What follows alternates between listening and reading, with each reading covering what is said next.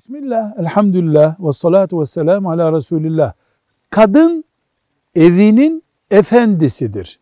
Şeklinde bir hadis var mı deniyor. Evet, herkes bulunduğu yerin efendisidir. Şeklinde bir hadisin devamıdır bu. Kadın da evinin efendisidir.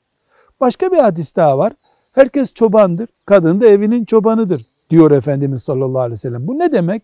Kadın evin içindeki evin bakımı, temizliği, idare edilmesi, çocukların terbiye edilip yetiştirilmesiyle ilgili konuların efendisidir. Yani yetkilisidir demektir.